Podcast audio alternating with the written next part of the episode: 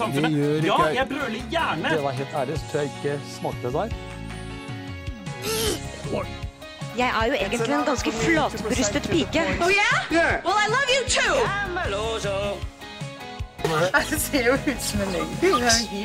Kjersti, sånn snakker vi ikke. One small step for man. Ja, Du hører på Gleden med TV-en, hvor vi ser på TV for deg, sånn at du slipper. Og det tynnes i rekkene, og derfor hører du min stemme, meg, Sturle Vik Pedersen. Ikke Markus, han tar seg en velfortjent pust i bakken. Thomas sitter fast i tolv i Nederland, men jeg har med meg rosinen i Carl Berner-pølsen. Arild Ørnholt, kjent fra Norske Grønnsaker, som nå har trukket ned i kjelleren. Og det er kjekt Ja. å ha deg her, Arild. Går det bra? Takk, takk, takk. Rosiner kan ikke knekkes. Nei, De, nei, nei. nei, de kan du kun suge på til de blir skrumpet inn, men de, det vil alltid være en rosin. Ja, Du vil aldri klare Mm. Nei, en rosin vil, tror jeg faktisk vil vare evig, i og med at den har gått allerede fra å være en fersk drue til å bli en rosin. Ja, Ja, ja, Kanskje man blir eldre enn en rosin, på en måte. Nei, i apokalypsen så vil det bare være masse kakerlakker som spiser rosiner. Det er liksom Ja. eh, det klassiske apokalyptiske bildet av framtiden. Ja, ja, ja. Mm. Så da kommer de til å spise deg, da. Men jeg derimot, jeg er litt til støv for lenge siden. Ja, du knekker fort. Jeg knekker veldig fort. Når den atombomben grav. Da er det rett i to. Det verste er at akkurat nå jeg er litt så småsyk, og jeg ser litt bleik ut. Det ser ut som jeg har blitt uh, utsatt for en atombombe. Eh, Jeg føler nesten som jeg har blitt eh, strålet i hjel. Det er derfor jeg har på meg en eh, caps i dag, Arild. Går jo alle med caps. Ja.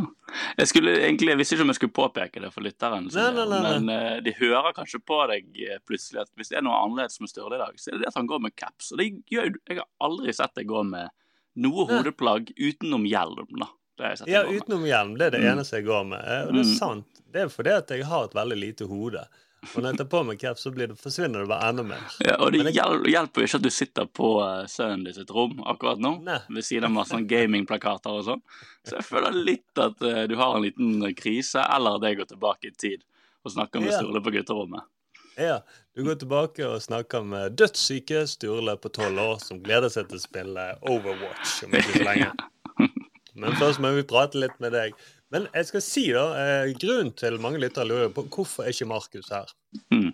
Og Grunnen til det er at han har nemlig jobbet i natt. Han har sørget for at den nye satirepodkasten Kontrollen den har kommet ut der du finner podkast. Og Kontrollen den består av Markus, Mia Hundvin og meg, hvor vi går gjennom ukens nyheter. Så det var, dette var da egenreklamen. Men det har jeg lov til, i og med at jeg er vikar som programleder. Så kan jeg ta den styringen. Mm. Jeg syns du gjør en kjempegod jobb, jeg, Sturle. Syns du det så bra? Ja, ja. Jeg skal, når det først er reklamehjørnet, så kan jeg si hva som står på capsen. Hvis jeg bøyer meg litt ned, så står det UXA. ja. Det er den eh, Thomas Seltzer-serien som jeg ennå ikke har sett, men jeg har hørt at den er så bra, så tenkte jeg når jeg først skal være i dette promoteringshjørnet, ikke eier noen skrupler, jeg tar på meg den capsen der. Mm. Jeg ser det, det å ha to podkaster, det har gått til hodet på deg. Du har Ja. blitt en stormannsgal nå. Nå begynner du å promotere og ja, ja, ja. Men jeg ser jo at det ikke er bra for deg med en gang. Med en gang du fikk en podkast til, så gikk, jeg det dårlig med helsen. da. Det er godt, det. er, og det er godt. Ja, si det, det er godt litt i hodet på meg. Og det er faktisk, Arild, en veldig fin overgang til eh, det neste jeg kommer til å gjøre. Mm. Fordi at alle som kjenner til podkasten, sier at nå er det tid for Ukens snakkis. Mm. Men den skulle vært med Markus. Ja. Han er ikke der, så da tenker jeg vi bare hopper galant over han. Vi går rett på vår TV-uke.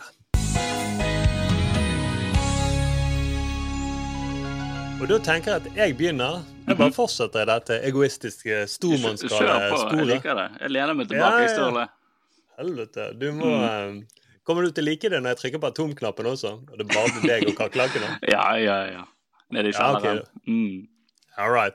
Nei, siden det handler om meg eh, på en måte, så skal jeg også få si min TV-uke. Den startet med alle nyhetene om en annen egoist. Mhm.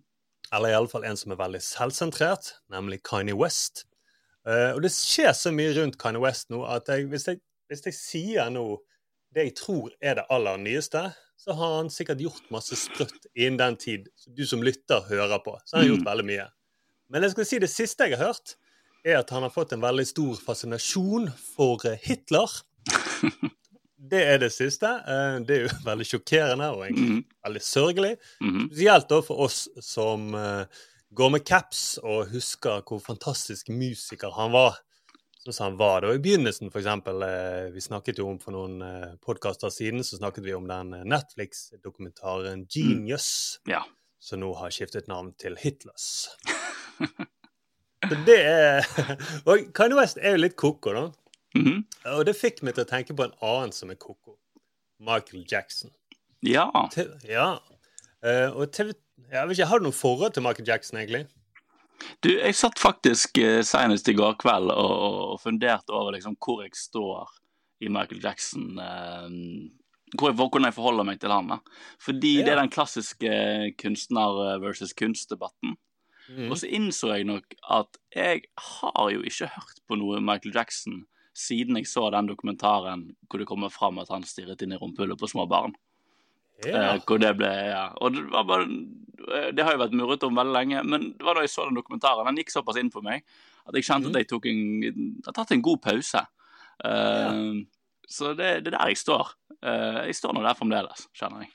ja, ja, men det holder jeg med deg i, liksom. Mm. Fordi at uh, den dokumentaren jeg har sett på TV 2, da Mm. I TV 2 Play, for jeg tror ikke de sender Jeg vet ikke om de sender noen ting på, eh, eh, på de her vanlige kanalene sine. Iallfall hvis du har Altibox, så tror jeg du kommer til å glemme å se noen ting.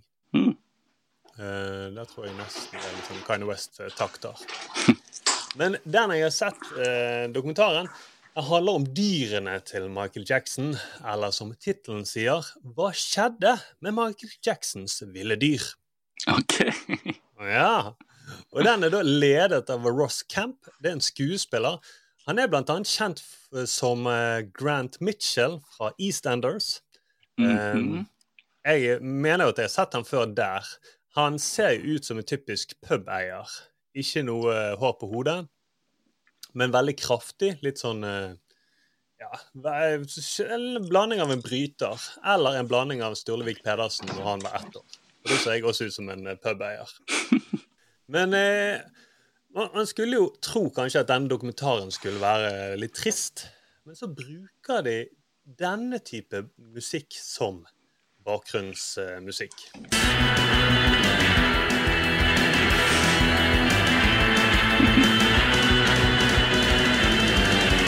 Og denne musikken den er så livlig at det nesten blir litt sånn gøy. Altså Det blir gøy når de nevner Michael Jackson og eh, barn. But since his death in 2009, it's clear that things were not all that they seemed. Jackson said he loved children, but shocking allegations about sexual abuse have long surrounded the singer. Wow! Og det, ja, og det lille skriket du hører der, det var ikke et barn, Arild, som viste rumpehullet sitt. Det var en fugl. OK, jeg trodde det kanskje det var en eh, surfer jeg, som uh, ga high five. Ja, det er sant. Ja. Mm. Jeg, for jeg satt og tenkte litt, hvor det, hvorfor gjør denne musikken meg så glad? Men selvfølgelig, det er jo en surfemusikk. Skikkelig surfevibes i California. Ja, Uh. det er sant. Det er der jeg har det fra. For jeg blir jo så og lystig av dette. Mm. Og Michael Jackson han hadde over 50 arter. Altså Han hadde seks sjiraffer, åtte alligatorer, tre elefanter, 20 fugler, syv aper og fire tigre. Så på den tiden var en av verdens største samling, private samlinger De hadde han da i Neverland. Mm. Og så er det det at Michael flytter i 2005 vekk fra Neverland. Flytter til Midtøsten en periode. Fikk du med deg at han flyttet dit? Det fikk jeg aldri med meg. Nei, han gjorde det. Han flyttet til Midtøsten. Og så ble Neverland det ble jo da solgt. Ja. Og eh, Ross han skal prøve å finne disse dyrene. Eh, som ikke lenger er på Neverland. Kan jeg spørre um, hvorfor han er så fascinert av disse dyrene? Hva er, er det Altså, hva Ja, det- Eh, Hva er grunnen til at han har blitt så opphengt i altså det, å, det å vinkle seg inn på dyrene til Michael Jackson, det er jo kanskje Kanskje det sier Jeg vet ikke om det sier noe med meg, men jeg vil jo, det er ikke det første jeg tenker på når jeg har lyst til å granske Michael Jacksons ettermæle og gå tilbake igjen og undersøke. Men eh, ja. Ja, men jeg er helt enig, for det er det en av de spørsmålene jeg sitter da og eh, lurer på, iallfall veldig i begynnelsen. Og Ross han driver og fremstiller seg sjøl litt som en sånn hardbarket journalist. Mhm. Eller kanskje mer en detektiv fra 30-tallet, Mhm. som da eh, har en skikkelig vanskelig oppgave foran seg. I'm traveling to California at the start of my search for Michael Jackson's animals. It isn't going to be easy. There's no record of what happened to them after Neverland closed. And getting anyone who worked at the ranch to talk to me will be tricky.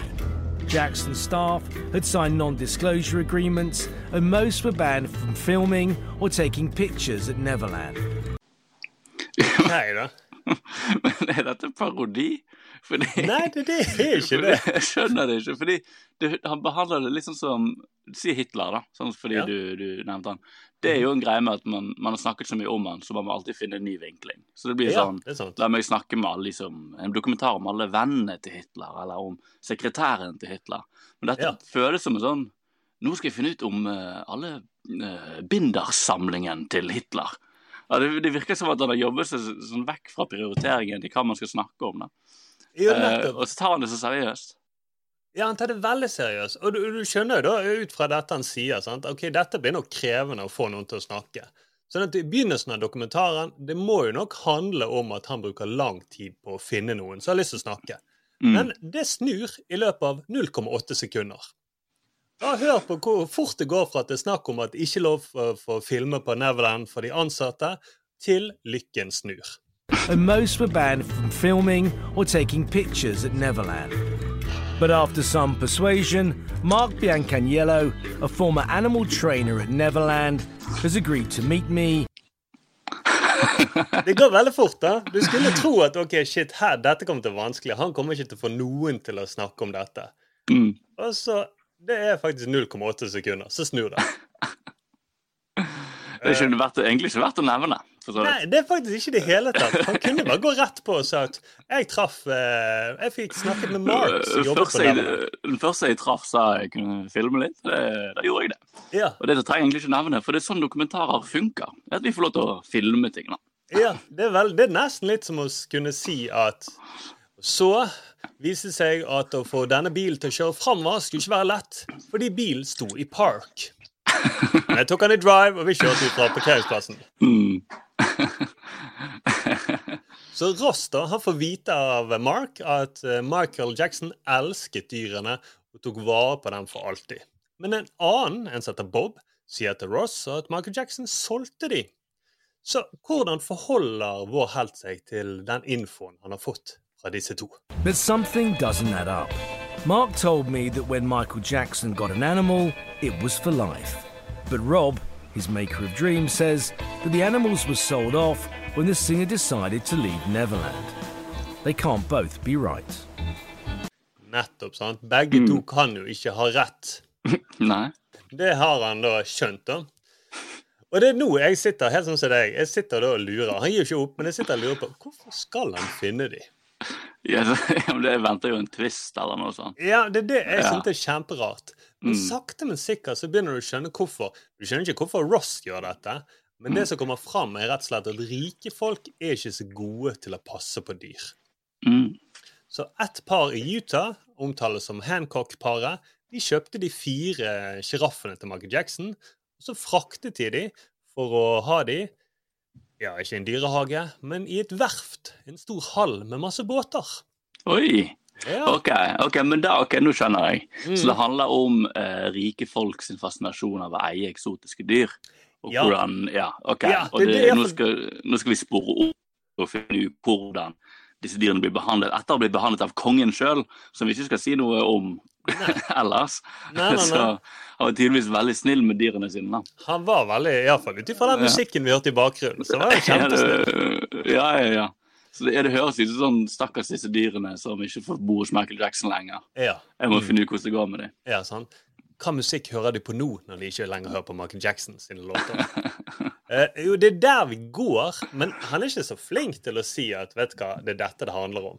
Han er mer, det er mer han eh, Ut ifra dokumentaren, dette er min tolkning, men ut ifra dokumentaren så er det mer sånn at Ross skal prøve å løse saker. Irrelevant hva saker han skal løse. Han skal bare løse saker til kul musikk. Og så eh, Dette paret i Utah de hadde disse fire sjiraffene. Hadde de i verftet, den store halen med masse båter. Og så frakter de til et reservat som de har laget i ørken. Eller Mm. reservat er mer en låve eller lagerbygning. Og det som skjer er at to av sjiraffene han snakker med politimannen, de frøs i hjel i ørkenen. Eh, for det i ørkenen i Utah så er det minusgrader om natten. Når det er på det Ja. kaldeste. OK. Og det er det, selv om det kanskje ligner på bildet Utah og Afrika kanskje ligner, så er temperaturen helt forskjellig. Man skulle tro at rike folk visste det. Eh, men han politimannen han ble da sendt til denne stedet hvor de døde. Eh, mest for egentlig bare se er det noen som har forgiftet de. Eh, kan du se om du finner noen fotspor? Men han skjønte jo først at, fort da at her er det minusgrader. ja. Men trodde først at de var blitt forgiftet. Ja, de, Det paret de mente at her er det noen som har blitt forgiftet. Okay. Eller altså, Sjiraffen har blitt forgiftet. Det er nok noen i byen eller noen Ja. myndigheter som har prøvd å drepe våre sjiraffer. Mm. eh, Fordi de døde av eh, frostskader. Så kanskje de får tror- frostgift. Så det er litt sånn at de burde egentlig sånn uh, Det er solen sin skyld fordi den forlot eh, disse sjiraffene. Ja. Men- den stakk av Uh, Ja. Jo, han gjorde det. Solen stakk av. Og som vi kjen- kjent, så vet vi at morderen vender jo alltid tilbake til åstedet. Og neste Mm. dag så var sol der. Ja. Så det er en skandale, da. Eh, men Ross gir jo ikke opp, for det var jo ok, to sjiraffer til Michael Jackson. De er døde.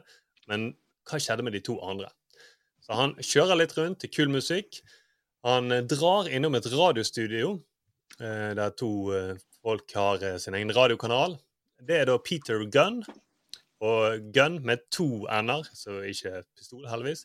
Og så er det Bill Cash. Og etternavnet Cash er da skrevet i ordet som penger eller kontanter. da. Er det gun and cash? Gun and cash. Og ikke bare Wow. nok med det. Han skriver cashen, altså S-en i cash, den skrives med dollartegn S-en. Ja. Det er jo logisk, da. Det, sånn må det være. Ja. Eh, jeg tror Peter Gunn han, han, han måtte jo slenge på en ekstra N, men jeg tror han ville egentlig hatt litt sånn, hvis det var mulig som skriftspråk, da, å hadde sånn Mm. kruttrøyk kommende stigende opp fra N. Ja, eller hull, eller hull i navnet sitt. Ja, hull Så er noen har allerede. øvd seg på å skyte på det. Ja, sant? Han, eh, Mm. mm, hver morgen så går han og står opp, og så skyter han litt på etternavnet sitt. Jeg tror egentlig du burde vært rådgiver for disse to. Eh, Ja, virkelig. Dette, han, skaper, han skaper jo en veldig fascinerende verden. Sånn, det føles jo som en sånn, som en sånn søndags formiddags krimhistorie. Ja. Eh, for barn, kanskje, fordi det er Ja. dyr involvert. Mm. Eh, det, er litt sånn jeg skal reise verden rundt og finne ut hva som skjedde med Michael. Det er veldig rart. Det er veldig mye rare ingredienser denne Ja, det er jo det. Og jeg, jeg får si Peter Gunn og Bill Cash de er veldig Ja. vittige par. Altså, de, de krang, jeg tror de krangler en del. Mhm, Og han eh, Bill eh, han virker veldig irritert på Peter. mhm. Og uh, det som kommer fram er fordi at Ross snakker med dem i en radiosending om sjiraffene, og snakkes litt om kanskje folk har tips. Og eh, når de har drevet og pratet litt om sjiraffer, så skal Bill, som leder dette radioprogrammet, han skal til å runde av. Og så gjentar han da om er det noen som har noen tips, så kan de ringe. Og så smetter Peter inn om hvilken musikk de nå skal spille. Og Du må høre på Bill sin reaksjon når han blir avbrutt av eh, Peter. Bill snakker, og så kommer Peter og avbryter. So again, if if somebody has a clue, I mean, they can call the radio station. Do we have any giraffe themed songs, Bill? No, and we're not playing Michael Jackson either.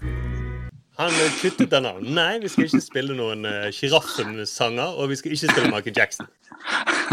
Han, for det, han, har så, han har så lys stemme i begynnelsen, Bill, som han har Mm, til radio, og så plutselig, idet han ble avbrutt, så var Nei, vi skal ikke spille noe Michael Jackson. Så går han ned, går han ut av sin radiokarakter og bruker den stemmen som jeg tror han egentlig har hele tiden. Mm. Ja, det skal mye til for å få en eh, radio-DJ til å ikke ha radiostemme. Ja, på luften. Jeg tror, Mm. det- ja, det, det skal veldig mye til. Jeg tror de klarer Det er jo faktisk, det er jo faktisk at du må nevne Michael Jackson for en radio-DJ. Så sånn, nei, det kan jeg faktisk ikke gjøre. liksom, som, en del av, som en del av sjelen deres har blitt revet ut. For det var jo så lenge av karrieren deres var jo Michael Jackson Ja. det tryggeste de hadde. Mm. Og nå har de mistet han, og da er det bare mørkt. Ja, det tror jeg det er veldig mørkt. Altså, så, jo, det er mer sorg der. Kanskje en R&B-radio-DJ også ville si sånn Nei, vi kan ikke spille noe R. Kelly. Det går ikke. Mm. Men det er jo med det. Men altså, sånn, eh, Michael Jackson er universal, eh, universell da, når det gjelder radio. Ja. Det må jo han være. Han blir jo irritert over Peter. Mm. Og jeg føler jo da at jeg har nå er det sånn at jeg egentlig har lyst til å droppe disse dyrene til Michael Jackson. Og så har jeg lyst til å heller se en eller annen serie med Peter Gunn og Bill Cash. Gjerne til de to som kjører rundt i i en lang reise med bil. Peter kommer hele tiden med forslag til musikk, og Bill Cash stemmer det ned. ja. Verdens kjedeligste roadtrip. Veldig. Og, Nei, vi kan, vi kan ikke høre på Arita Franklin. det går ikke. Nei. Vi, nei, vi skal ikke høre på noen orangutangsanger. Nei, nei, nei. Ingenting. Nei, vi skal ikke leke med skiplasset med. Nei, du kan ikke få sitte fremme. Nei, nei, du må sitte bak. Verdens dårligste scenepartner. Ja, egentlig. Mm. Det må være forferdelig å ha han med i en impro-greie og bare Ja. stemme stemmer ned alt. Nei, nei. Hei, jeg er på legekontor. Nei, du er ikke på et legekontor. Du har nettopp spurt meg hva sang vi skal spille, og vi er et radiostudio. Igjen. Ja. Og jeg sa nei. Men iallfall, Rasta han får eh, tips om at det er noen som lurer, tror at de vet hvor sjiraffen kan være, de to sjiraffene. Han går inn i den svært svær bygning. Han sier ja, dette ser ikke ut som en eh, sted man har dyr. Og når han går inn, så ser han at nei, ikke levende dyr. Disse dyrene er utstoppet.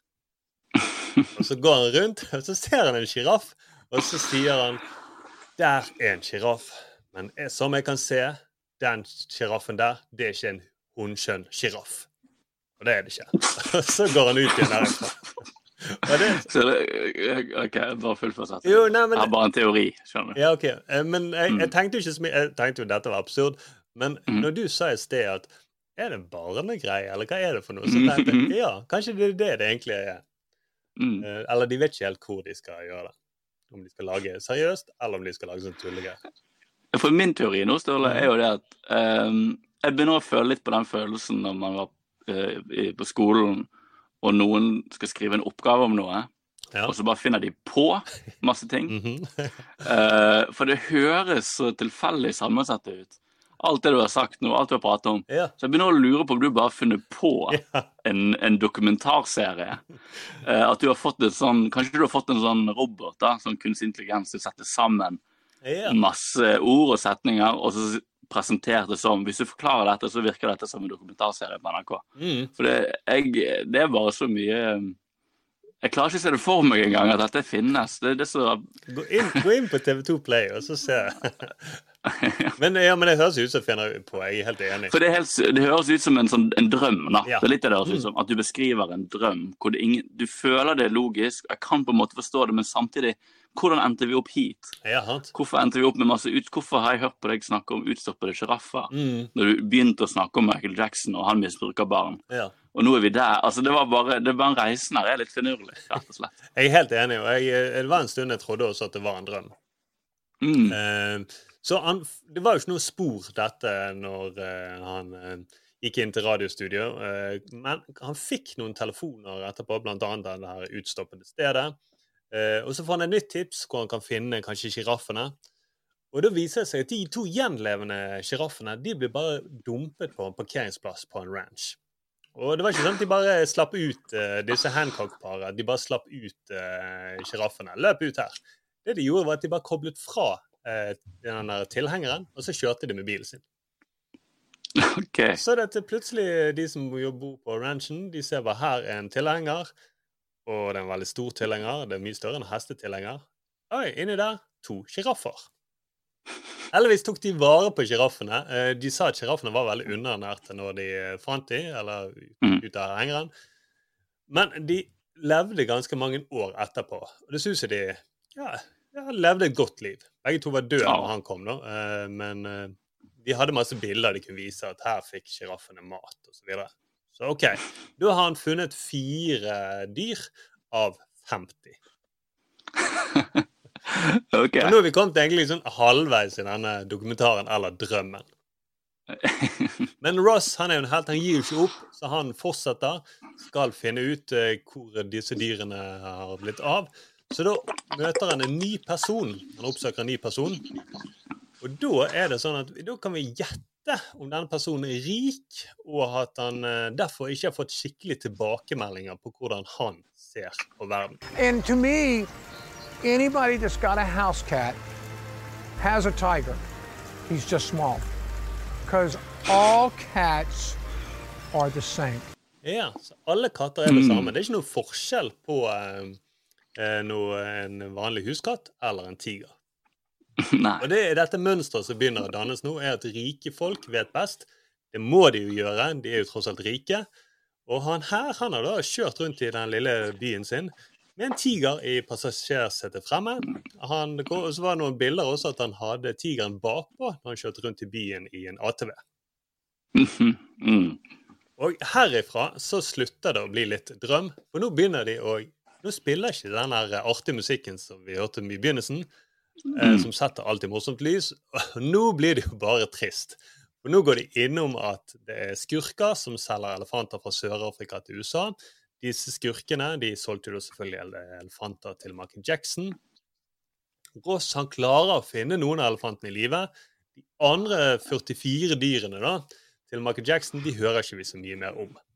Og på slutten så kommer litt spørsmål som egentlig hadde forventet skulle vært mer eh, Sånn som du sa, hva er motivasjonen til Ross? Vi kommer litt inn på det nå, men det burde ha kommet mye før, tenker jeg. Mm. Fordi at På slutten så stiller de spørsmålet sånn Brydde Michael Jackson seg om dyrene? De, de nevner det kanskje litt i begynnelsen, men da er det så mye eh, kul surfemusikk at du glemmer det helt. Så det Russ gjør, at han snakker med eh, Jane Goodall, som er da verdens fremste ekspert på sjimpanser. Og hun traff Michael Jackson på Neverland. Og da sa hun at måten han behandlet f.eks. den kjente sjimpansen hans eh, Bubbles, som Michael Jackson drev og kledde ut i menneskeklær, det ikke var noe særlig bra. Men Michael Jackson tar liksom ikke inn over seg, og vi sitter igjen med et inntrykk at det virker som Michael Jackson egentlig ikke brydde seg så veldig mye. Eller at han hadde andre ting å tenke på, da. Som å se inn i noen sitt rumpehull eller sånne ting. Vi vet ikke Ja, hva han de gjorde. Det det. Mm. Programmet heter jo 'Hva skjedde med Michael Jacksons ville dyr?' Men det bør egentlig hete 'Syke ting som rike folk gjør'. Mhm. Og da tenker jeg, altså sånn, Hvilken lyd tror du de rike folkene har i eh, hodet sitt?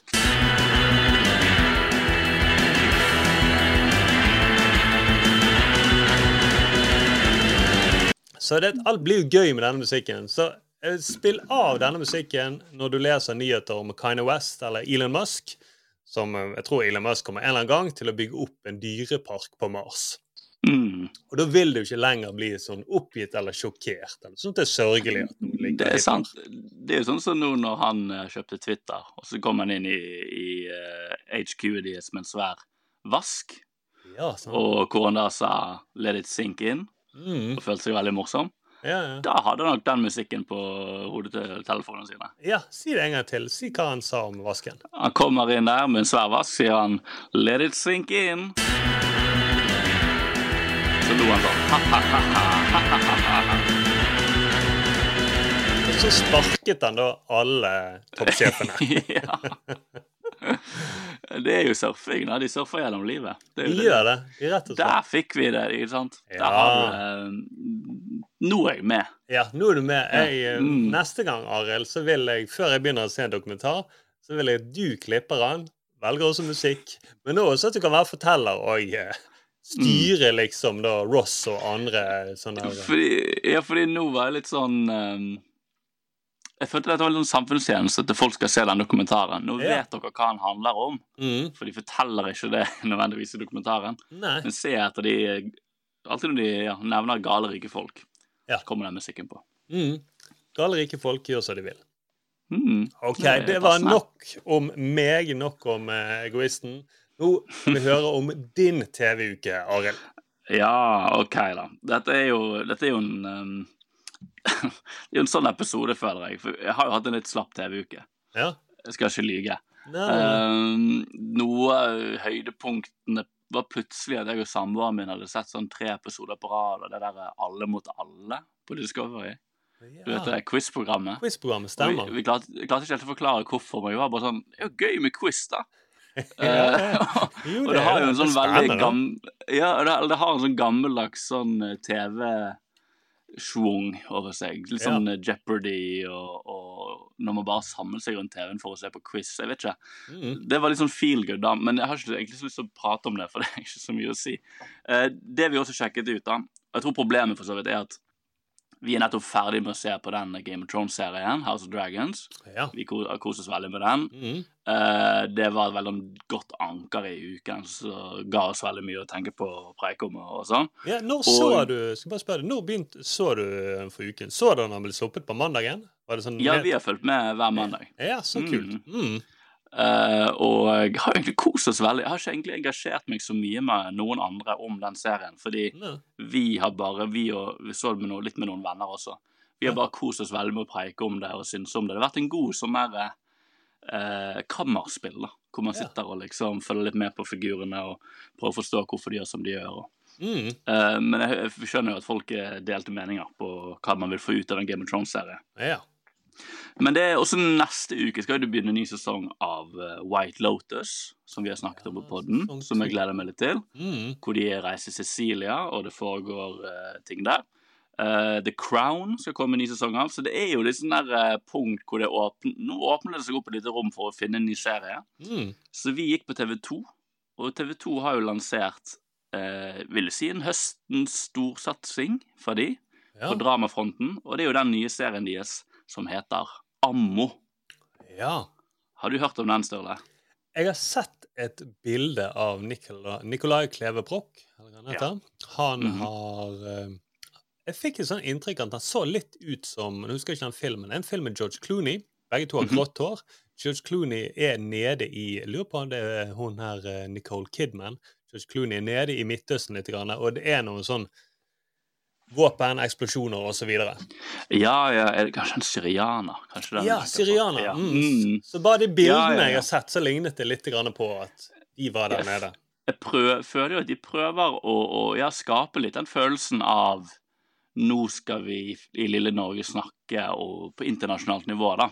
Eh, For dette er jo en serie om droner. Ja. Og eh, Norge sin rolle i, i krigføring i andre land. Mm. Um, det er Jeg skal ikke prate mye om ammo, kjenner jeg. Det er litt sånn interessant, fordi jeg føler en sånn serie som hopper litt mellom å uh, ville være Le Byrå Ja. uh, og offshore, på en måte. Og såpass. Det var et veldig mellom- langt sprang, da. Jeg vet ikke om det går an å hoppe liksom, så langt. Ja, det, det, er liksom, det er litt hit. Det er sånn, noen ganger føles det godt, Mm. og offshore føles jo godt, det også, men på en veldig annen måte. Ja. Uh, men det, jeg, liker jo, jeg liker det at de tar for seg nå skal vi snakke om droner. Jeg liker det, sånn, det er sånn tydelig mission statement fra en eh, dramaserie. Ja. Eh, så jeg tenkte jeg kan gå gjennom litt første episoden, og så skal vi se om det trigger noe i deg. For du er jo en jeg vet som er engasjert i uh, Norges uh, rolle i krigføring i andre land. Altså, det er jo satire her, og det er jo kritikkverdige ting å ta tak i. Ja. Jo, jo, jeg var jo det. Eller er jo det fortsatt. Men husker jo da når Norge gikk inn i Libya og mm. bombet med F-16-fly. eh, Da skulle vi gjøre alt bedre. viser seg at ok, Gaddafi døde, men det landet har jo falt sammen. Og eh, en av de tingene jeg leste etter krigen, var jo at uh, den eh, Libya har blitt en slags slaveport. Du vet sånn som man selger slaver, sånn som man gjorde for lenge, lenge siden. Mhm. Det skjedde når hele Gaddafi-regimet kollapset. Ok. Kanskje det blir bedre, men jeg tror ikke de tenkte helt igjennom det Norge, og når Støre sendte en SMS rundt. Vi, vi henger oss på, vi bomber. Ikke sant? Ja, for det er jo følgen av krig, da. Og det er Ja. jo en I TV-serieverden utrolig fascinerende ting å lage TV-serier om, si Le eller uh, tenker sånn Generation Kill av David Simon. Altså det, det er TV-serier som går inn i krig og henger rundt, da. For en film må jo være ferdig på to timer, liksom. Eh, og da kan det av og til bli litt reduserende, men det er noe spennende med TV-serier som vil snakke om det, fordi da kan man ta seg tid til å fordøye litt de større spørsmålene. Um, dette føles for så vidt som en serie som har lyst, litt lyst på mye, eh, men jeg tror den har mest lyst til å være engasjerende drama. Den har lyst til å ha eh, masse forskjellige figurer mm, som Uh, Ja, den offshore-delen av det. da. Den har Mm. lyst å, å, å spille på mange følelser og figurer som blir dratt inn i denne uh, krigsbransjen. Eh, så det som skjer, da, er jo da at Broch, som jeg syns innså at han har et så ekkelt navn Ja. Broch. Ja, for det er sånn du, man uttaler. Jeg har alltid vært sånn, jeg er ikke så flink til å uttale navn og glemmer en Nei. del uh, hva folk heter. Men det er også Nicolai Kleve Broch. Ja, det? Broch. Det er ikke Brosh. Nei, det er ikke Broch. Det høres bra ut. Ja, han spiller da karakteren Bjørn Urdal, Ja. som er mye sånn eh, folkeligere navn enn Broch. Ja, ja, ja. Men jeg kaller han Broch, for jeg, har allerede glemt hva han het. ja Carl Broch. Eh, jeg tror han het spiller han Bjørn Broch. Bjørn Broch. Mm. Uh, Klassisk Varg VM-navn. ja. Han er da en eh, forretning, forretningsmann som er litt fallen, og han er arbeidsledig eh, pga. en korrupsjonsskandale som vi ikke helt får vite hva er. Eh, og han blir da fristet når våpenprodusenten AGR tilbyr han jobb. Um, han får da en ny, uventet ny sjanse uh, som sjefselger for uh, det, dette norske våpenselskapet. Um, hvor han tidligere jobben han hadde i Innovasjon Norge, den endte opp i en slags offentlig oppvask. Hvor uh, han, er, han er fallen, da. Han jobber som lærer, og du skjønner han er tafatt og slapp og går med det grå eh, håret sitt som ikke er så veldig pent satt på plass. Han liksom har ikke det så bra, da. Um, han er også veldig dum, Mm. eh, opplever jeg, fordi at han kjenner ikke igjen sånne filmskurker når han ser dem. Ja. Uh, fordi uh, gullkarakteren i denne serien er jo da blir jo spilt av ektemannen Bjørn Floberg. Nå sa jeg en ekte mann fordi navnet Bjørn er blitt gjentatt så mye. Ja. Bjørn Floberg, da, skuespilleren, Mm. Eh, som jeg ikke gadd å finne ut hva heter uh, i TV-serien. Fordi Ja, ja. han bare er Bjørn Floberg. ja, han er jo uansett. uansett. som ja, kunne hett Bjørn Skurkeberg, for Ja, han ser så skurkete ut. Mm. Eh, han går med sånn eh, sånn Christian Ringnes-skjerf, du vet. Ja. Det er. Da er du litt skurk, altså. Veldig skurk, ja. Og det er sånn den tufsete barten vi snakket om forrige episode med seriemorderne. Ja. Rike folk med sånn Christian Ringnes-skjerf. Det er sånn, OK.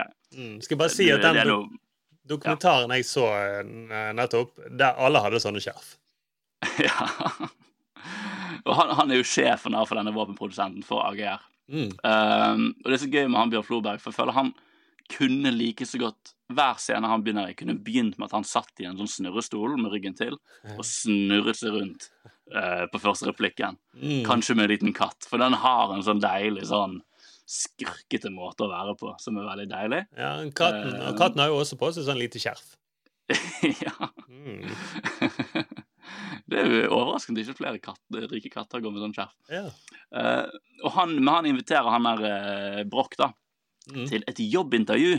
Ja. Da blir jo han Nicolai Kleve Broch litt sånn Wow, er dette min nye sjanse til å, å, komme tilbake igjen i arbeidsmarkedet? Ja. Eh, og nok en gang, ikke, stiller ikke kritisk spørsmål til at det er en våpenproduksjon eller noe sånn. Eh, at han skal begynne å jobbe i våpenbransjen. Ingen kritiske spørsmål. Eh, og det er jo sikkert fordi det blir mer spennende for oss seere om man begynner å stille kritiske spørsmål når han har blitt fanget i denne bransjen. Ja. Men likevel, du sitter litt sånn Kom igjen, eh, Vråk. Du er ikke så lei deg. Du- Se på det skjerfet der. Våpenindustri. Hva er det skal ikke, Alle stiller jo kritiske spørsmål til dette. Ja, sant. Man ville jo gjort Eh. det. Jeg tenker sånn at mm, det er litt sånn rart at nei, nå begynner jeg å stille kritiske spørsmål. Og jeg ser oppsigelsestiden er jo på tre måneder. Søren også. Da får jeg bare grave litt videre i dette. Og det er veldig tydelig. eh, Det er en scene i første episode hvor han eh, blir tatt et jobbintervju oppe på Ekeberg. Flott restaurant med Floberg og de andre delene av den eh, familieoperasjonen da, som AGR er. Ja. Eh, og så har jeg med et klipp da, og hvor du kan høre at han eh, Floberg, Skurkeberg, han er veldig interessert i en sånn spesifikk del av den tidligere jobben til Broch. Hvis du er så smart som Marius påstår, da har du kanskje allerede gjettet eh, hva det neste spørsmålet mitt er. Ja. Hvis jeg må gjette, så Så vil jeg vel tro at jeg vil omhandle en viss eh, korrupsjonssak. Godt gjettet. Ja. Ja, Ja, nei, jeg vet ikke hva jeg skal si om det. det... Hadde jeg jobbet i det private, så hadde det ikke vært noe problem. Eh, nei, men korrupsjon er jo et veldig hardt ord, syns jeg. Det var ikke så svart-hvitt. Det var mer tilfeldigheter. Jeg skal være litt mer spesifikk. Ja. Hvis de ikke var blitt tatt, hadde gjort det samme om igjen. Ja. Ikke sant? Så det at han her Skurkeberg er veldig interessert i at han hadde blitt vært korrupt igjen om han ville. Ja. Det tenker han ikke på. Nei. Så han sier ja til den jobben, og det er jo null stress. Så da begynner, skal han begynne å selge våpen. Ja. For det at han her Skurkefloberg, han, Ja. eh, han er jo bare Han stiller bare spørsmål om han blir tatt. Så det betyr Ja. at det ikke kommer til å bli noen problemer, da. Mm. Og det er også sånn scener senere i, i neste episode hvor de får han til å signere masse kontrakter, og han tenker ikke, det ikke om For han er så overveldet med denne nye jobben. Og bare, ja, skal gjøre dette, skal jeg gjøre dette også? OK, jeg skriver under stresset.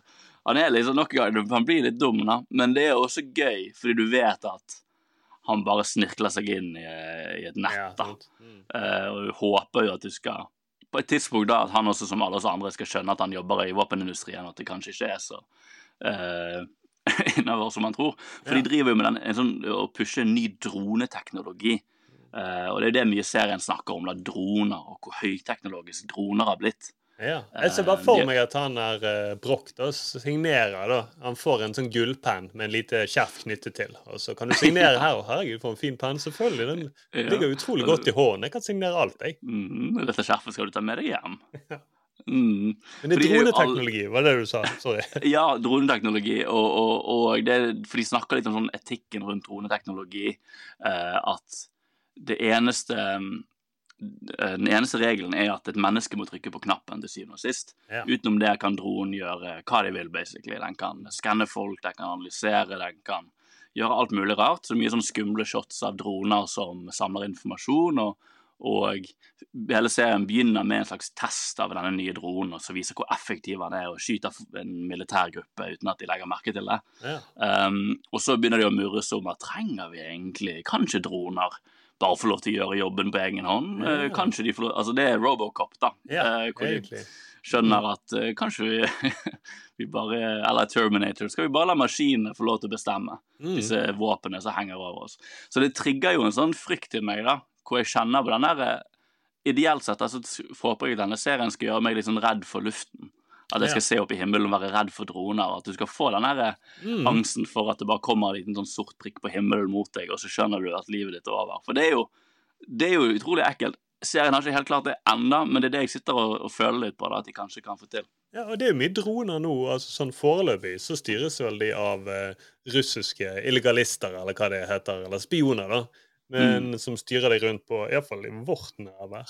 Men Ja, og det eh, er jo den gavepakken av en aktualitet til disse Ja. serieskaperne. Mm. Så kanskje litt for mye for de i forhold til hvor serien, hvordan serien utforsker det. Ja. Men det er ingen tvil om at droner er i bevisstheten til folk. Um, men det er Jeg får inntrykk, iallfall episode én uh, og litt episode to, at det er mer familiedramaet serien er interessert Ja, i inntil videre. Mm. Uh, den har ikke så mye politikk å komme med, fordi den maler med såpass bred pensel at Skurkeberg er skurk, liksom. Og han øh, Selvfølgelig skal ingen Ingen vil at droner skal bare få til å gå ut og skyte folk uten at noen bestemmer. Men det er litt sånn Det, er litt sånn, det blir litt bred pensel, men jeg har en hunch på at ja, når han her Nicolai Krellbukk endelig skjønner hva han holder på med, at det kanskje skal stilles litt kritiske spørsmål. ja, at det blir det Um, moralske valg da, som han må ta stilling til. Så det blir ikke at det blir et siste intervju der Floberg sitter oppe på Ekeberg, og så stiller han spørsmålet Hvis du ikke hadde blitt tatt, ville du gjort det igjen? Og så svarer en drone nei. Det vil jeg ikke. Jeg har lært. Jeg har lært, jeg har samvittighet. Mm. Ja, For det er jo egentlig en drone det burde handlet om. Ja. En liten eh, sånn Dick Pixar-film om en liten drone som skal lære seg å få samvittighet. Fordi de sier at den lille dronen er sånn Men jeg har alltid måttet stole på at dere mennesker eh, vet hvem jeg skal skyte. Og sier mennesket nei, men nå vet du, det er din tur. Du skal få lov til å velge hvem du skal skyte. Og dronen er sånn å nei, Fly nå må jeg gå gjennom en reise for å lære hvem som skal skytes og ikke skytes. Ja. Og så til slutt Ja. så skyter han eh, Han eh, punkterer en bil som holder på å kjøre for fort på en skolevei. Ja. Så tar han en godt valg, og så blir han får han lærer sånn- etterpå. Ja, han får en sånn nøkkel til byen og ordføreren. Og det, Ja. ja, ja, det, det er jo kanskje det der ender opp. Ja, eller skjerf Um, til byen. Eller skjerf, ikke minst. Ja, fordi, altså, de har jo, det eneste det de har da, som mot kraften, mot kraften til han her eh, Broch, er jo familien hans da, og en gammel kollega. Ja. Eh, du har sønnen, som er veldig skeptisk til våpenbransjen, som er sånn idealistisk sønn, eventuelt bare en normal person som er kritisk til våpenbransjen. Ja.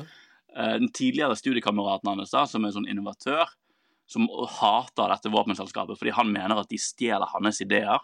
Ja. Som er en sånn god tilfeldighet at en kompis av han som eh, er så knyttet til det. Ja, det var bra. Eh, og så er det, er det kona, som er liksom hun, De får litt fram at hun også er idealist, for hun jobber med å lage sånn eh, Hva heter det? Sånn eh, amputasjebein Ja, Høyteknologiske proteser ja. Ja, Eh, mm. høyteknologiske proteser. Og hun har en slags idealist i seg. Ja. Men hun er bare sånn stille skeptisk. Hun trykker ikke så mye på han ennå. Jeg tror hun litt sånn jeg tror jeg med hun at hun er bare glad for at han har fått seg jobb. Ja. Eh, for sånn, nå slutter du å sture. Og hun har um, Hun stresser også på jobb og er lei av at han mannen sturer. Og hun har sånn, en av de sånn eh, sånn sånn etter burnsene. Ja. Altså, jeg har hørt på TV på siden offshore, da. Du Kan høre et klipp uh, når hun kommer hjem fra jobb og, og møter på mannen sin som lager middag. Hei. Hei. Husker du den der eh, reklamen? Hvilken dag er din Dolmio-dag? Ja, ja, ja. ja. Jeg tror man skulle velge én dag og ikke bare kjøre hele uka. Oh. Det er bare én dag i uken som er Dolmio-dag, bitch! Ja, det er det hun sier. Ja, og Dolmio hver dag. Hva du holder på med? Det var Ja, hun er ganske, er ganske børn. Hun burde jo egentlig sagt sånn at uh, hvis du uh, kunne velge Dolmio en ekstra dag, men uten å bli tatt, hva ville du valgt da? Og så uh, hørte du så hørte den uh, musikken der var litt trist, men de burde jo hatt den der surfegitarmusikken. Det er sant. Mm. Vi får ikke spilt det samtidig, men det burde vi gjort, egentlig. Da hadde det blitt veldig kult. da hadde jo du fått fram hvor syk den burnen egentlig var. Ja. Mm, og Ja. hvor bra det er med Dolmio hver dag også. I, ikke minst. Um, hvis jeg hadde vært skrevet manus på den serien, så hadde jeg skrevet at han skrev sånn uh, Hun sier 'Å, det er Dolmy-dag bare én dag i uken'. Uh, 'Hvorfor gjør du det hver dag?' Og så skulle han sagt 'Ja, men eh, du er jo Du er jo en uh, massekjerring hver dag'. Så jeg skal ikke du bare gjort det hver gang i uken? Et eller annet i den duren, da. Sa du masekjerring? Var det det du Jeg sa masekjerring. Jeg følte jeg angret veldig det mens jeg kom på at jeg skulle begynne å snakke om dette. Så var jeg sånn Nei, nå Dette må du holde i manusrommet, Arild. Dette skal ikke ut på luften. Så du nølte sånn også når du skulle si det? Jeg sa å, jeg ikke kun, Men jeg er veldig sånn eh, Sagt A, så må jeg si Å. Ja, ja, jeg mener det Mm. òg. Og eh, Mm. samtidig Og det er jo det som er- skjer med serier. De vekker jo følelser i oss. Ja. Og da kan ikke vi styre oss. Vi må si det ut. Masekjerring. Hvorfor henger du opp i Dolmio? Det er viktigere ting enn det. Jeg tror faktisk, til mitt forsvar, jeg har sett for mye offshore. Det er det som har skjedd. Jeg, manus i hodet mitt er på det nivået. Mm. Sover lite ellers og setter meg Ja. offshore. Det er ikke så bra, det er ikke bra for humoren, det. Nei, det er ikke bra kombinasjon, egentlig. Men det er jo veldig påfallende og bra da at hun her konen jobber da med proteser som ofte man bruker etter at folk har blitt skadet med droner. Så det, Ja. alt handler liksom rundt han her, så handler det om droner. Ja. Det, det, det, det, det kommer nok til å snirkle seg sammen rundt den. Ja. Jeg tror dette er en sånn serie Jeg liker eh, for så vidt Jeg liker når sånn- de type dramaserier som satser litt sånn Nå skal vi snakke om en spesifikk tematikk. Vi skal heve litt nivået for uh, serier i Norge. Det skal ikke bare handle om uh, ungdom eller uh, Rasekjerringer. Sånn. ja. Åh, ja. Nei, men uh, så, så jeg er jo Jeg skal sjekke det videre, men det er fort gjort når White Lotus begynner igjen at vi glemmer å følge med på Ammo. Men uh, Jo, vi får se, da. Jeg liker Bjørn Floberg. Ja. Syns han er så gøy å se på. Han er jo superskurken, altså. Mm. Så ja, eh, man kan nesten egentlig bare ha en det kunne, Kanskje vi skulle gjort med Ammo, da. Du tar uh, episode én, eller fire episoder, men klipper vekk alle andre sine svar, sånn at det er bare han som sitter og snakker. Ja. Og så likevel så tror jeg folk hadde digget serien. Mm. Han Ja, stiller det, bare hele tiden. det spørsmål er kanskje ikke funker ganske bra. Mm. Bare Bjørn Floberg-cutten. Ja. Directors cut. Mm. Flobergs cut, ja, det er veldig kult. Mhm. Ja, så det vi får se. Det var noe Kanskje det er noe der. Jeg tror det er litt sånn der eh, Sånn eh, det, er en, en slags komfortabel serie å se på, for det er penger i den og gode skuespillere. Mm. Og han vader borti noen sånn tidsaktuelle spørsmål, så du føler deg litt smart. Ja. Uh, og så er det jo et par kanskje sånn litt mer høydramatiske elementer jeg ikke har nevnt, i tilfelle noen eh, har lyst til å se denne Ja. serien. Ja, det var Eh, veldig galant gjort av deg. Ja, det er et par skikkelige såpeserieelementer som skjer. Ja, fett. Kanskje det er det neste jeg skal sjekke ut. da, Inne på TV2 Play. Nå har jeg sett Michael Jackson. Kanskje jeg skal begynne å se litt til Ammo.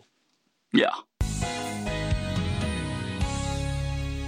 Denne uken så trekker ikke vi hvem som skal se ukens Snakkes, siden det har vi til gode. Det bestemmer jeg. Diktator, jeg har på meg diktatorcapsen. Jeg bestemmer det. Så da er det sånn at vi snart skal gå over til siste del. Og da vet jeg Vi snakket jo med Agnete, eller Agnetesh, som hun også heter. Jeg kan si Agnetesh nå. Jeg kunne ikke si når hun var der, men nå når jeg har på meg gaminghatten min, Ja. så kan jeg si Agnetesh, Agnetesh. Hun kommer nok til å forlate oss nå. Det gjør veldig mange andre.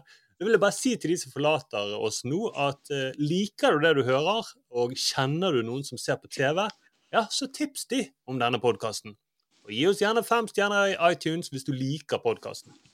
Det er veldig galant av deg, Sturle, Ja, å ja. si ha det bra til alle lytterne våre. Ja. For nå, vet jo vi med erfaring at det egentlig kun er vi som lytter. Og det er bare vi som lytter. Og i og med at Markus og Thomas ikke er her, så er det bare oss to som lytter. Dette var laveste lytterne offshore-delen jeg har hatt uh, siden vi begynte med den. Noensinne. Og jeg mener det er god grunn, for jeg kommer til å være litt stygg med offshore. Eh, Denne ukens episode eh, var ikke mye å ta i. Nei, jeg kommer til å riste litt, når du skal høre for hvorfor. Og dette Mm. var også en liten tease, så kanskje noen har lyst til å høre. Kanskje vi gjøre? klarer å snike noen litt Hei, ikke slå av podkasten ennå. Han har en bra observasjon. Han har gjort det. Kanskje han ikke bare er bare gal med den capsen. Men i hvert alle fall, og gi oss gjerne fem stjerner i iTunes hvis du liker podkasten. Følg oss og send inn tips eller kommenter, enten på Instagram, Gleden med TV-en, Facebook, Gleden med TV-en heter vi der også, eller mail. Og her kommer det tricky. Den mailadressen vår er gleden.med.tv, altså tv, at gmail.com. Ja. Ok, da har vi sagt det. Vi rundet, uh, gjort ferdig det formelle, føler jeg. Nå er det klart for en av de største seriene på 90-tallet, nemlig Offshore.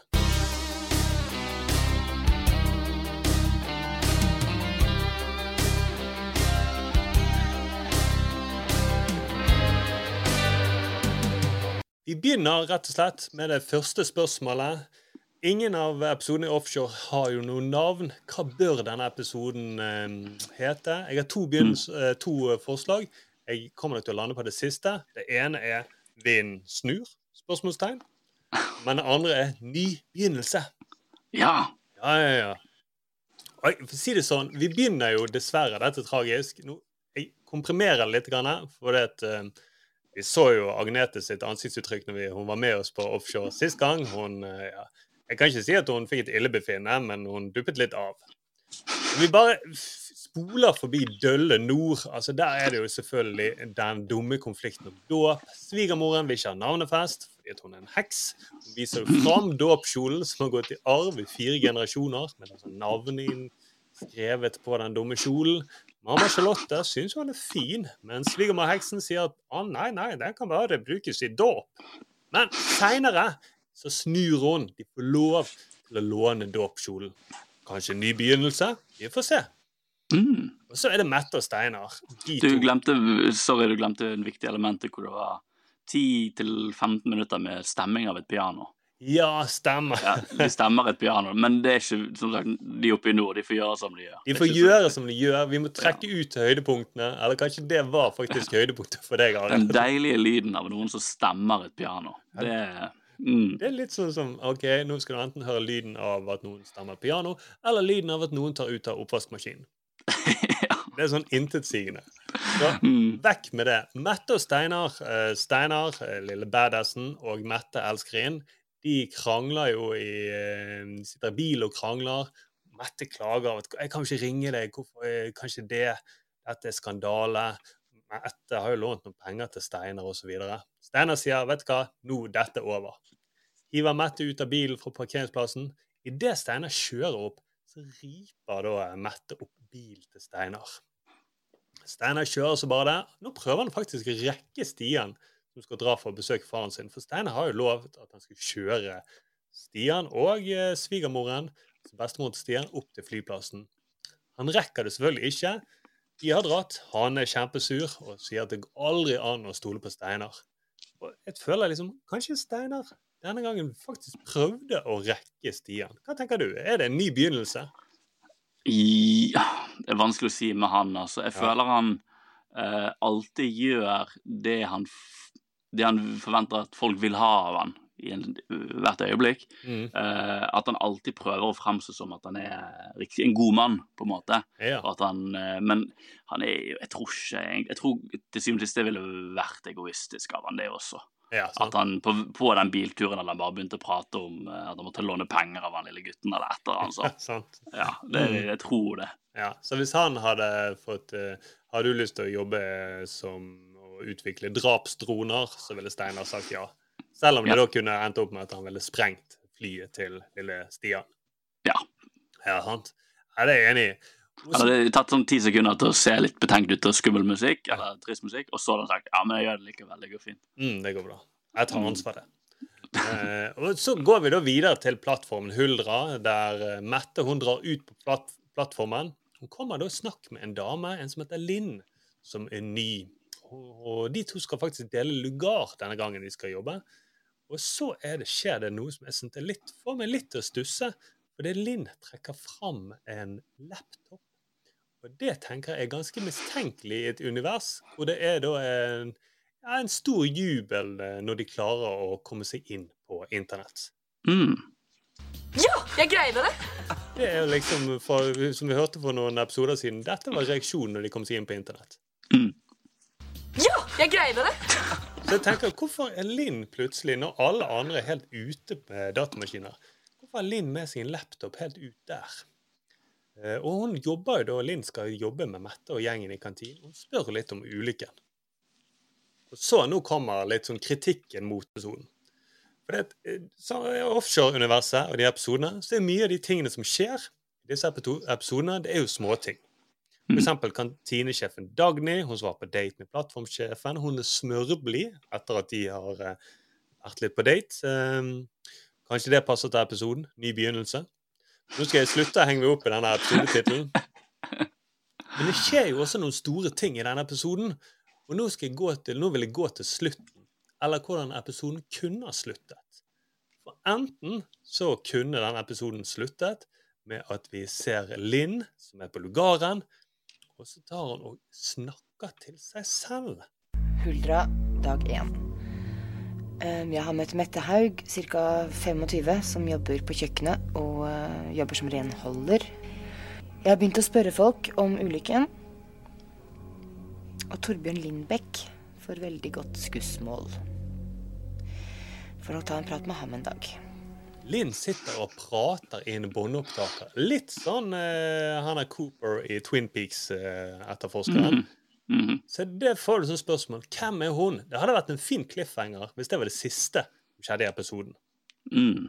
Eller vi kunne sluttet med at Roar, som da er bekymret for datteren sin Susan, som har stukket av, han, han får da en telefon midt i møtet når han har møte med sjefene sine. Det er Roar. Det er telefon til deg. Viktig. Hva? Jeg tenkte du helst ville ta den inne hos deg selv. Det er politiet. Det gjelder din datter. Hun er visst i fengsel. Hun er i fengsel. Sånn. Det kunne slutt, sluttet der, da. Det hadde vært veldig spennende. Men episoden slutter sånn som dette her. Charlotte fra Dølle Nord spiller da piano, som endelig har blitt stemt.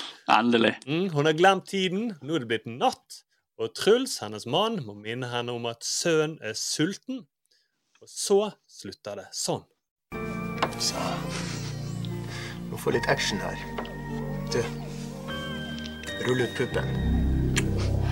Der slutter episoden. Den dummeste cliffhangeren de kunne hatt. Hun agenten eller hvem det er som er på offshore. De kunne hatt Roar. Susan er i fengsel. Vi vet at hun skulle til Murmansk. eh, Og nå er hun i fengsel. Politiet ringer. Og så slutter det med Dølle Nord. Tenker jeg, nå vet jeg, den serien vet, Det går ikke an å sende droneangrep bakover i tid. Iallfall ikke mulig foreløpig med vår menneskelige teknologi. Men hvis det er det, gå tilbake og så spreng manusforfatterne der. Eh, Det det er verdens letteste Ja, rull ut puppen. Ja. Eh, skal jeg lese mer i det? Plutselig. For det er jo det jeg tenker når det er en cliffhanger, eller det siste som skjer i en såpeserie. Rulle puppen, hva mener han skal Har hun ikke pupper lenger? Hva har skjedd? det, jeg begynner å tenke, Er dette viktigere enn bare at han sier 'rull ut puppen'? Mm. Ja, er noe mer? Er noe med puppen og piano? Jeg vet ikke, jeg skjønner ikke. Det er en skandale å avslutte en serie sånn som dette. Mm. Det høres ut som at vi begynner å miste litt tålmodigheten med offshore. Det gjør det. Altså nå liksom, For nå begynner jeg å Etter hvert så det som kommer til å skje, at jeg begynner å klippe mine egne episoder her. Og da klipper jeg ut Dølle Nord. De får ikke være med videre. Da tror jeg det kanskje kunne blitt en moderne hit. Det tror jeg. Vekk med Mm. Nord. Drit i de. Eh, kanskje jeg, vet, jeg har ikke landet på om jeg vil ha mer av Svein, som bruker mat til å snakke med andre, eller mindre. Det må jeg se. Mm. Men eh, Nei, vet du hva. Så det er vel det vi kan si om offshore, hvis ikke du har noe å legge til. Altså, dette er liksom Nei, jeg, jeg, jeg leter jo fremdeles etter det øyeblikket hvor de skjønner at Kristoffer Joner er med i serien. Ja. Eh, For det virker Mm. som at ikke de vet at Kristoffer Joner er der, og at han er en av de rå- råeste skuespillerne i Norge. Ja. Han dukker alltid bare opp i ti sekunder og er litt frekk eller eh, skaper litt tekstur i en scene, og så går han. Ja, det er sant. Jeg, jeg gleder meg liksom Jeg, alltid, jeg venter litt på det øyeblikket hvor de skjønner at her har vi jo en actionstjerne. Tenk hvis de aldri gjorde det. At det som har skjedd, er at manusforfatterne av Offshore de, og de skaperne de skjønte ikke at han her er jo skikkelig flink. Men vi som seere, vi elsket de øyeblikkene han var med. Og så Mm. presset det seg fram at han må jo ha hovedroller i mange filmer fremover. Ja, fordi hvis det hadde skjedd nå, hadde det blitt sånn en Twitter-storm, ja. det hadde blitt uh, petitions, det hadde blitt alt. På den tiden ble jo det leserbrev.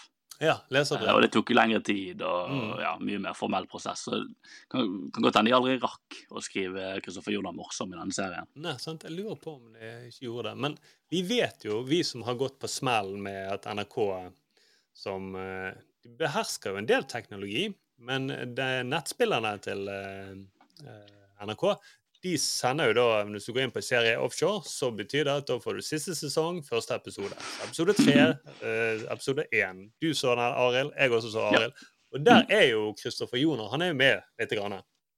Mm. Eller kanskje han er mer med. Så det kan jo være at det har skjedd noe. Men det er jeg regnet på det. Jeg tror det er sånn 67 episoder før vi kommer til sesong tre. Så spørsmålet er om vi skal ta hintet fra Agnete, Agnetesh og gjengen om å droppe denne. Vi kan ikke Mm. ta en avgjørelse her, føler jeg. Vi trenger å være Strømmeboys må være fulltallig. Vi må det. Jeg tror i så fall, hvis vi legger dette dødt jeg har, Da lurer jeg på om jeg har lyst til å se siste episode av Offshore. Ja. At vi liksom gjør eh, to år hopp fram i tid, kaster oss inn i framtiden. Ja. Ser om den gården har brent ned, prøver å finne ut hva som har skjedd. Mm. Eh, bare for å se hvor det ender opp, da. Ja, det er ikke dumt. Da får vi iallfall noe ut av det. Kanskje de har Mm. endelig klart å døpe det der barnet. Ja. Og nå får vi se når denne episoden kommer inn, om vi får masse leserbrev. Ja. Eh, og folk sier nei, nei, offshore-debuten er jo den beste. Ja, ja, det er kjempebra. vi har ikke fått det ennå, men leserbrev tar jo lang tid. Det gjør det. Eh, Mm. om den posten der noen gang kommer fram.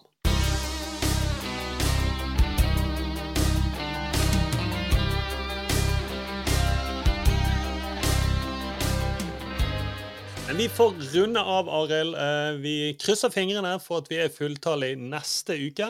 Da er nok Markus eh, ladet sine batterier. Eh, promotert vår podkast Kontrollen, nye satirepodkasten. Reklamere litt for den. Jeg håper også at eh, Thomas er tilbake fra Tål i Nederland. Og hvis du hører på Thomas, så når du sitter i eh, Tål her, bare lukk øynene, og så slapp av.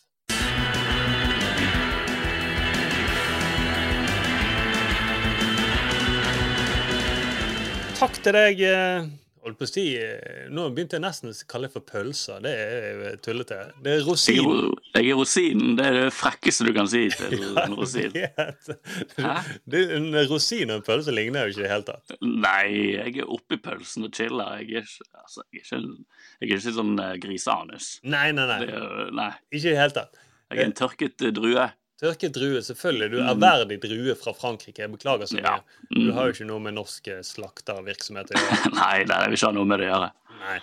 Jeg syns faktisk det er litt kjipt at folk alltid må dra meg inn i dette pølsegreiene. Ja, mm, Du vil Ja. egentlig være på, ja, fritatt for det. Jeg beklager, Arild. eh, Mm. Jeg vil være i grøt. Du vil være i grøt. Ja. putte deg i grøt, og eh, til desember skal vi putte deg i lussekatter. Vi høres igjen om en uke. Ha det bra. Ja!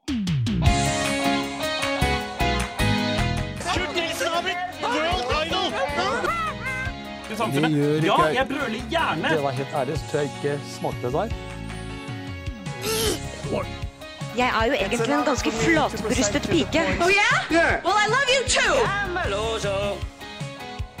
Det ser jo ut som en løgn. Kjersti, sånn snakker vi ikke. One small step for man,